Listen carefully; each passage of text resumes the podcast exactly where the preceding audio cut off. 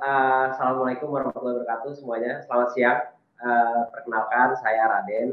Uh, hari ini kita akan membahas bagaimana cara uh, strategik bisnis uh, lewat media sosial. Langsung aja kali ya. Silakan Mas, lanjut. Oke. Bisa di bisa langsung aja. Ya, jadi agenda kita hari ini adalah untuk uh, gimana sih? Pertama cara merancangnya itu seperti apa sih? Cara membuat konten pilarnya itu seperti apa sih? Terus bikin budgetnya itu seperti apa untuk advertisement? Terus kemudian apalagi sih kira-kira poin-poin penting yang akan um, kita bahas nih supaya bisa sesuai dengan target kita. Bisa next?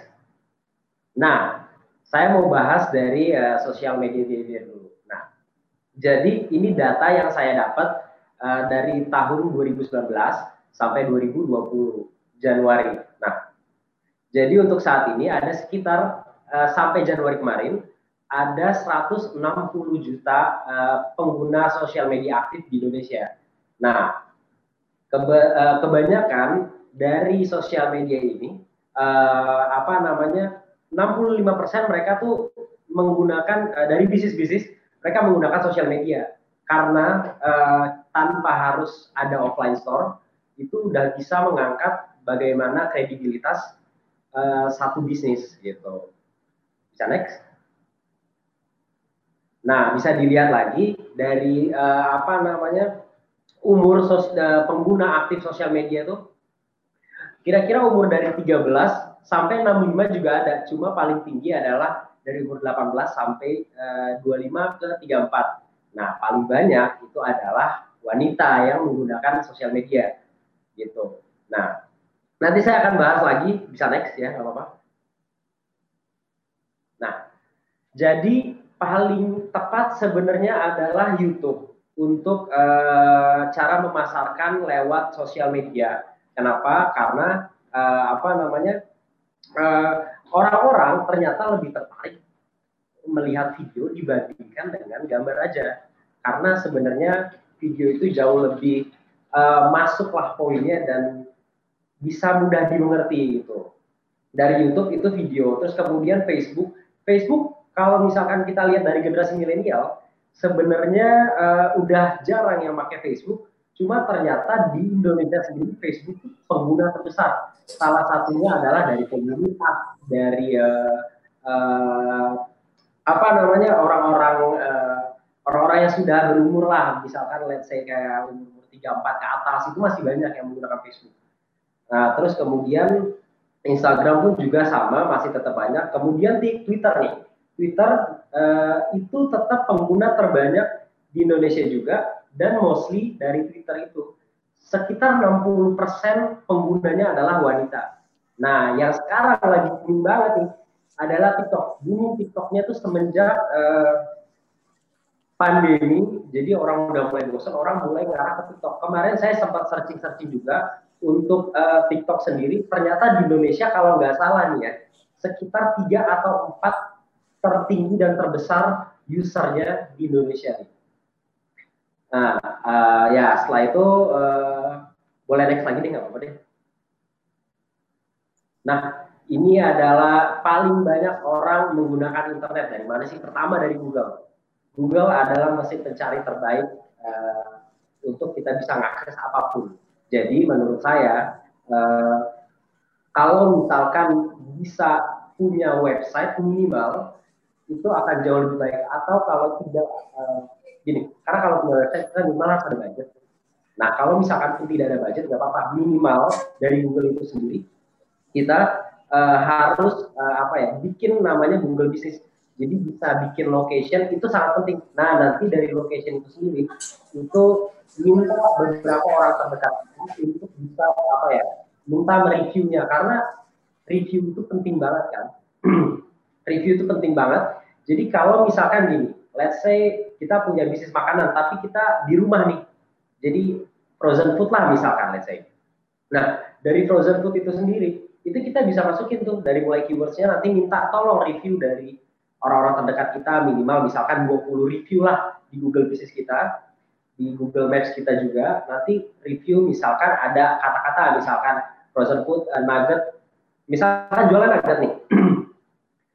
Nanti bikin tulisannya orang review nugget Jakarta. Jadi ada dua poin tuh. Ada nugget ada Jakarta. Nah location itu penting banget. Jadi misalkan nugget Jakarta eh, apa namanya eh, terbaik atau terenak gitu. Wah ini enak banget nih nuggetnya di Jakarta. Apa misalkan bisa lebih spesifik lagi. Di, uh, ya lebih spesifik lagi bukan hanya Jakarta artinya bisa lebih spesifik kayak misalkan Jakarta Selatan atau mungkin bisa lebih spesifik lagi misalkan Kemang kayak gitu. Itu itu better banget ketika nanti ada orang nge-search uh, cari mau, cari nugget misalkan atau apa ya itu better. Pasti kalau misalkan review kita banyak itu bisa biasanya dari Google akan ditaruh di rank uh, ya bisa di rank one lah gitu ranking satu gitu terus kemudian itu Google nah kemudian tadi mas mas belum belum Nah, kemudian dari YouTube juga. Jadi menurut saya kalau dari YouTube itu sendiri rajin-rajin bikin uh, apa ya konten aja, konten-konten biasa minimal satu menit misalkan gitu. Jadi uh, ya itu juga sama berhubungan dengan keywords. Jadi keywords itu penting banget sih kata-kata. Jadi misalkan dari uh, apa namanya dari kata-kata apa pun, uh, let's say ya tadi kita ngomongin soal nugget lah ya, soal nugget yang kita tuh punya opsi. Ah, nah, jadi ya kita bisa masukin dalam uh, kita bisa bikin bikin uh, misalkan kontennya uh, dari mulai titlenya misalkan uh, proses bikin nugget terenak di Jakarta Selatan kayak gitu kurang lebih.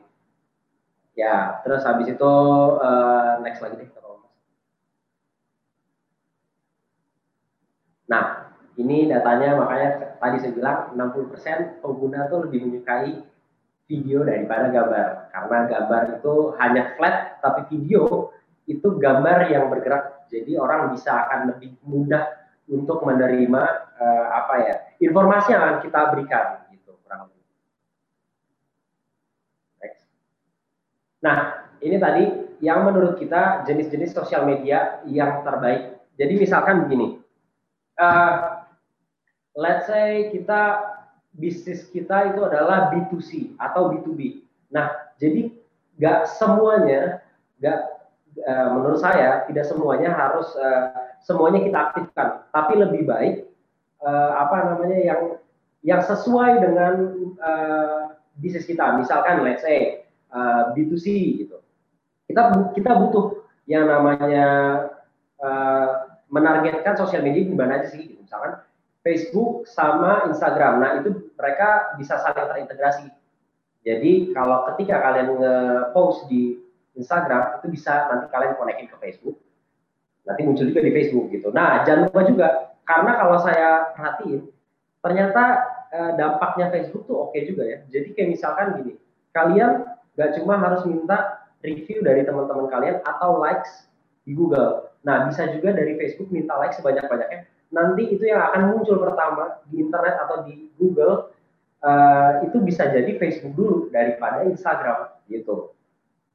Nah terus abis itu kemudian TikTok nih. Nah yang saya concern banget sebenarnya yang saya rekomend itu sih TikTok ya. Karena uh, TikTok gini dibanding Instagram saya mau kasih beberapa perbandingan antara TikTok dan Instagram. Kalau Instagram itu kita harus engage artinya harus ada apa ya harus ada engagement yang kita harus follow.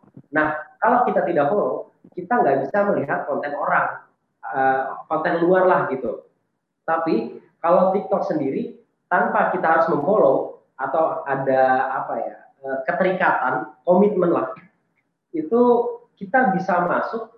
Uh, misalkan konten kita, konten kita tuh bisa masuk orang. Kalau Instagram, kalau itu harus engagement, jadi kita apa ya mengkonsumsi apa yang akan kita follow aja gitu. Nah kalau kita tidak memfollow dan kita mau orang mengkonsumsi konten kita, itu kita harus ads. Nah jadi saran saya sebenarnya TikTok itu sebenarnya benar-benar impeccable banget nih. Dan sekarang TikTok tuh memainkan apa ya, maksudnya menyesuaikan dengan algoritma apa yang kita like nih, apa yang kita suka nih, gitu. Nah terus misalkan gini, uh, kita nge-like konten makanan, nah bisa jadi itu nanti konten kalian itu bisa masuk orang lain juga tanpa kita harus ads gitu. Nah kalau Twitter kemarin saya paling banyak nge-search ternyata ada beberapa pengguna Twitter dia nih apa ya e, paling banyak kan wanita nih. Jadi paling banyak sih yang saya cari ya Jadi uh, misalkan nih rata-rata ini apa um, analisa kita aja. Jadi paling banyak sebenarnya pengguna Twitter itu adalah salah satu pengguna uh, yang suka Korea nih gitu. Jadi kayaknya kayaknya paling banyak tuh pengguna apa yang suka-suka dengan K-pop atau Korea. Jadi uh, paling banyak wanita gitu. Nah, terus kemudian LinkedIn. LinkedIn menurut saya bukan uh, lebih baik adalah B2B. Kenapa? Karena itu bisa masuk kepada relasi yang pengen kita tuju nih. Misalkan kita mau partnership sama siapa. Nah, itu biasanya profile-profile di LinkedIn itu orangnya uh, ya bos-bos dan kita bisa langsung connect. Artinya kita bisa menyampaikan apa yang kita mau untuk bisa kerjasama gitu. Oke, okay, next. Nah ini tadi yang tadi saya bilang kira-kira apa sih? Misalkan gini kalau saya bisa uh, kalau saya bisa kasih gambaran, misalkan punya bisnis uh, gym, misalkan kita punya bisnis gym. Nah bisnis gym kita punya uh, itu lebih kepada konsumen. Nah kalau kita misalkan kepada konsumen, jadi gini, uh, misalnya kita punya bisnis gym, Nah, di bisnis gym itu paling banyak kalau dilihat sebenarnya orang bukan hanya ingin membentuk badan, tapi artinya ada juga yang kayak dia emang seneng dengan komunitas, misalkan let's say yoga atau misalkan uh, apa aerobik atau apa gitu misalkan. Nah, ini kalau misalkan bisnis kayak gini, ini menurut saya nih ya, let's say kan gym ya. Nah, ini menurut saya lebih baik uh, apa namanya? masuk ke Instagram, masuk ke Facebook, nah masuk ke LinkedIn juga. Walaupun sebenarnya ini B2C gitu menurut saya. Tapi kenapa saya bilang LinkedIn juga baik untuk bisnis gym? Karena e, misalkan pengguna gym yang ingin gym, misalkan itu tuh paling banyak orang-orang pulang kerja. Nah itu tepat sekali untuk kita masuk ke LinkedIn dan kita ads dan kita bisa atur di LinkedIn karena kebanyakan orang kerja jadi kita bisa masuk ke sana di jam-jam orang pulang kerja. Jadi kita bisa lihat sebenarnya sih dari analisa paling banyak tuh kalau nge-gym orang-orang apa sih umurnya umur berapa sih terus kemudian uh, paling banyak tuh uh, untuk ikut gym tuh di jam-jam berapa sih nah itu sangat tepat untuk bisa masuk ke uh, apa namanya LinkedIn gitu kurang lebih kita harus me menargetkan bisnis kita tuh sebenarnya B2B atau B2C awalnya Terus kemudian baru kita bisa sesuaikan dengan platform yang sekiranya ini tepat untuk sasaran kita gitu. Next. Nah, gimana cara merancang konten pilar yang baik? Next. Nah, pertama uh, ya, pertama kita uh, harus uh, apa namanya lihat dulu kira-kira dari bisnis kita apa sih unique selling uh, point dari produk kita nih yang akan dijual?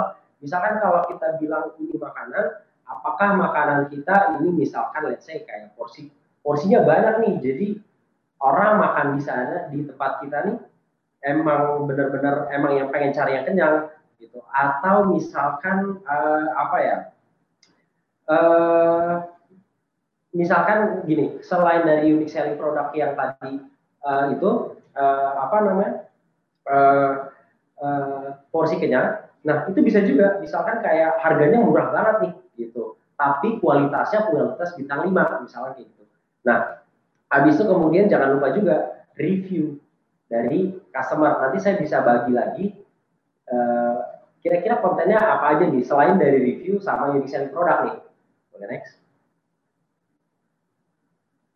Nah kita bisa lihat sebenarnya dari dari konten kita dari insight-insight gitu dari insight orang oh ternyata yang kita post konten kita itu adalah uh, kebanyakan umur dari 18 sampai uh, 24 misalkan oke berarti kalau gitu yang akan apakah ini udah sesuai nih gitu kita review lagi apakah ini udah sesuai dengan apa yang jadi bisnis kita nih misalkan bisnis kita kalau misalkan emang dijual dari umur 18 paling banyak penggunanya sampai 24 itu berarti tepat. Nah, terus kemudian jangan lupa juga masukin uh, kita lihat juga nih postnya nih jam berapa nih paling rame nih prime time-nya jam berapa.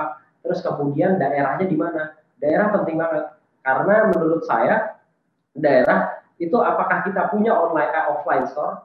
Nah, kalau misalkan gini, kalau misalkan kita punya offline store, itu penting untuk kita uh, masukin atau kita fokuskan ke daerah-daerah tertentu. Misalkan di daerah Jakarta ya kita karena offline store di Jakarta, jadi kita harusnya fokusnya lebih banyak di daerah apa ya mikro aja gitu, nggak nggak nggak harus seluruh Indonesia gitu.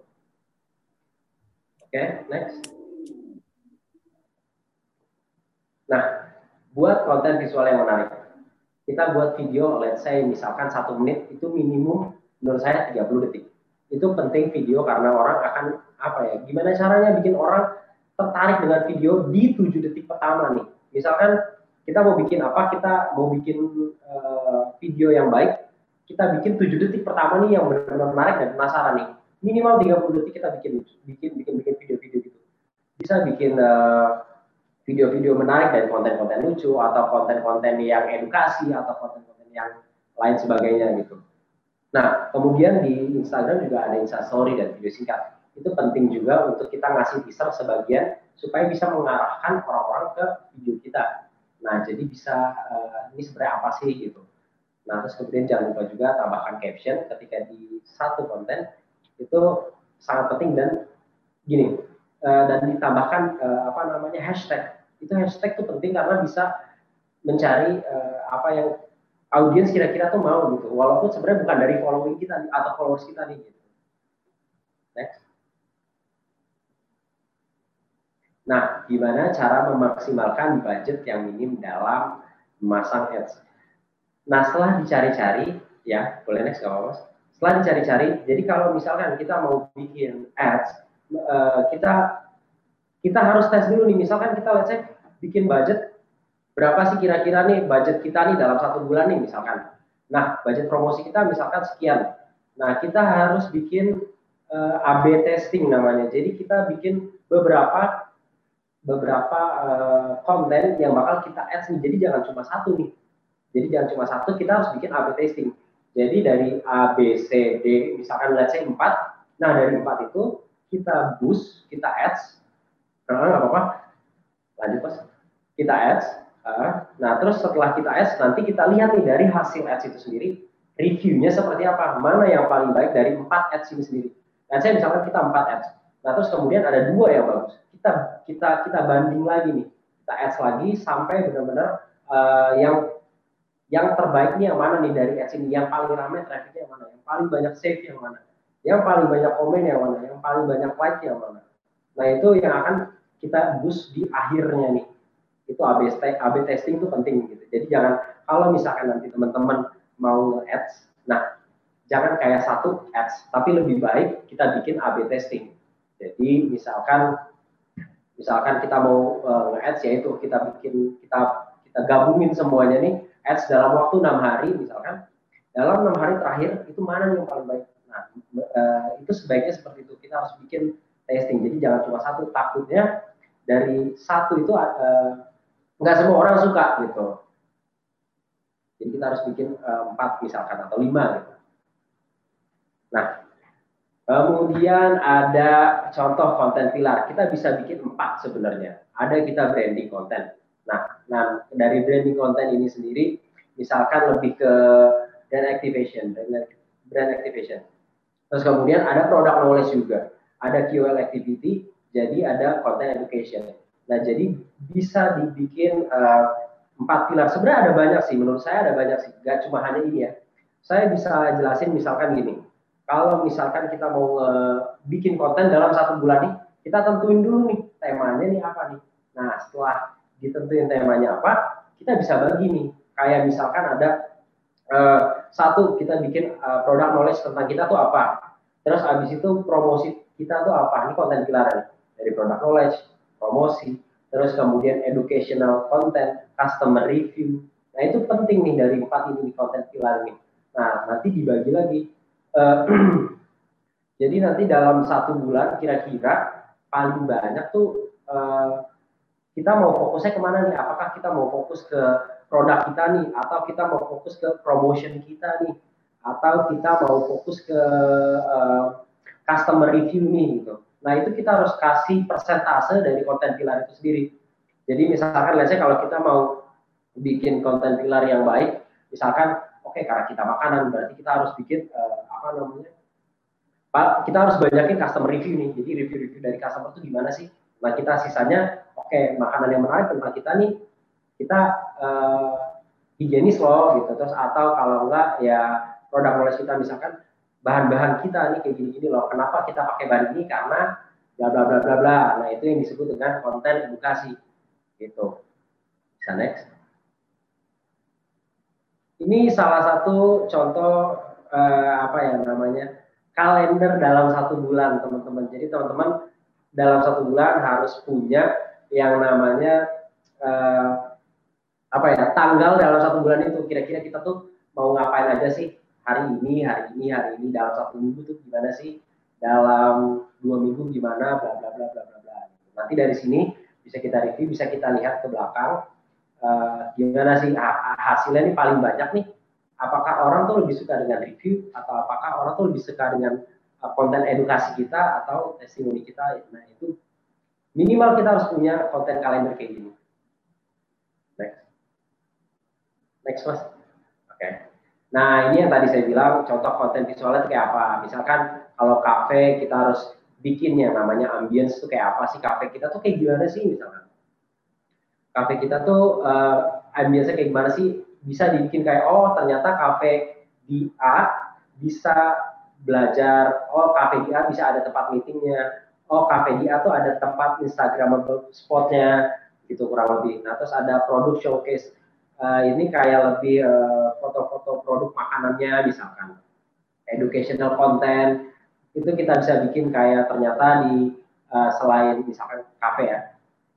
Ternyata selain uh, kita minum kopi apa kalau kita minum kopi misalkan itu bisa bikin kita bla bla bla bla gitu. Nah, terus kemudian ada testimonial review dari orang kira-kira gimana sih ini uh, yang baik dari kafe kita nih dari review orang nih gitu. Misalkan kalau saya lihat sih zamannya sekarang ada foto muka orang terus kemudian ada uh, apa ya sok-sok dari kayak caption atau twitter gitu potongan di sebelahnya. Jadi ada foto muka sebelah ada twitter. Nah itu kayak jatuhnya kayak lebih review kayak gitu kurang lebih. Sekarang tuh zamannya kayak gitu next nah habis itu apa lagi sih kira-kira uh, konten-kontennya yang gimana, yang poin-poinnya gitu. Kontennya minimal harus yang original, harus original. Jangan kita nyontek punya orang. Kalau bisa tuh original. Jadi apa ya? Kalau kita nyontek nanti malah bisa dapat bad review dari customer misalkan ini kan udah dipakai dari kontennya sebelah gitu misalkan. Nah, lebih baik kalian harus bikin konten-konten tuh yang original. Seperti apa sih? Kalian bisa bikin konten original tuh lebih kayak uh, apa ya? kalian bisa ngelihat dari sekitar atau lingkungan. Kira-kira nih yang relatable nih apa sih? Gitu kurang lebih. Terus abis itu mana sih yang kayak uh, platform yang unik? Konsumennya ini seperti apa nih? Gitu. Habis itu ya uh, harus banyakin interaktif dan aktif. Kalau misalkan ada uh, apa namanya user-user yang nanya misalkan di mana itu kita harus balas kurang gitu atau kita bisa uh, bikin gimana caranya orang mereferal ke WhatsApp misalkan WhatsApp bisnis gitu. Jadi kita kasih kisi-kisi misalkan ada yang nanya sesuatu kita bisa balas komen misalkan uh, cek DM atau kayak boleh dikontak dengan nomor ini. Jadi sehingga uh, ada orang yang melihat lagi itu bisa apa ya oh ya udah kita kontak aja gitu daripada kita harus masukin semua informasi di sana gitu. Next. Oke, cukup sekian terima kasih.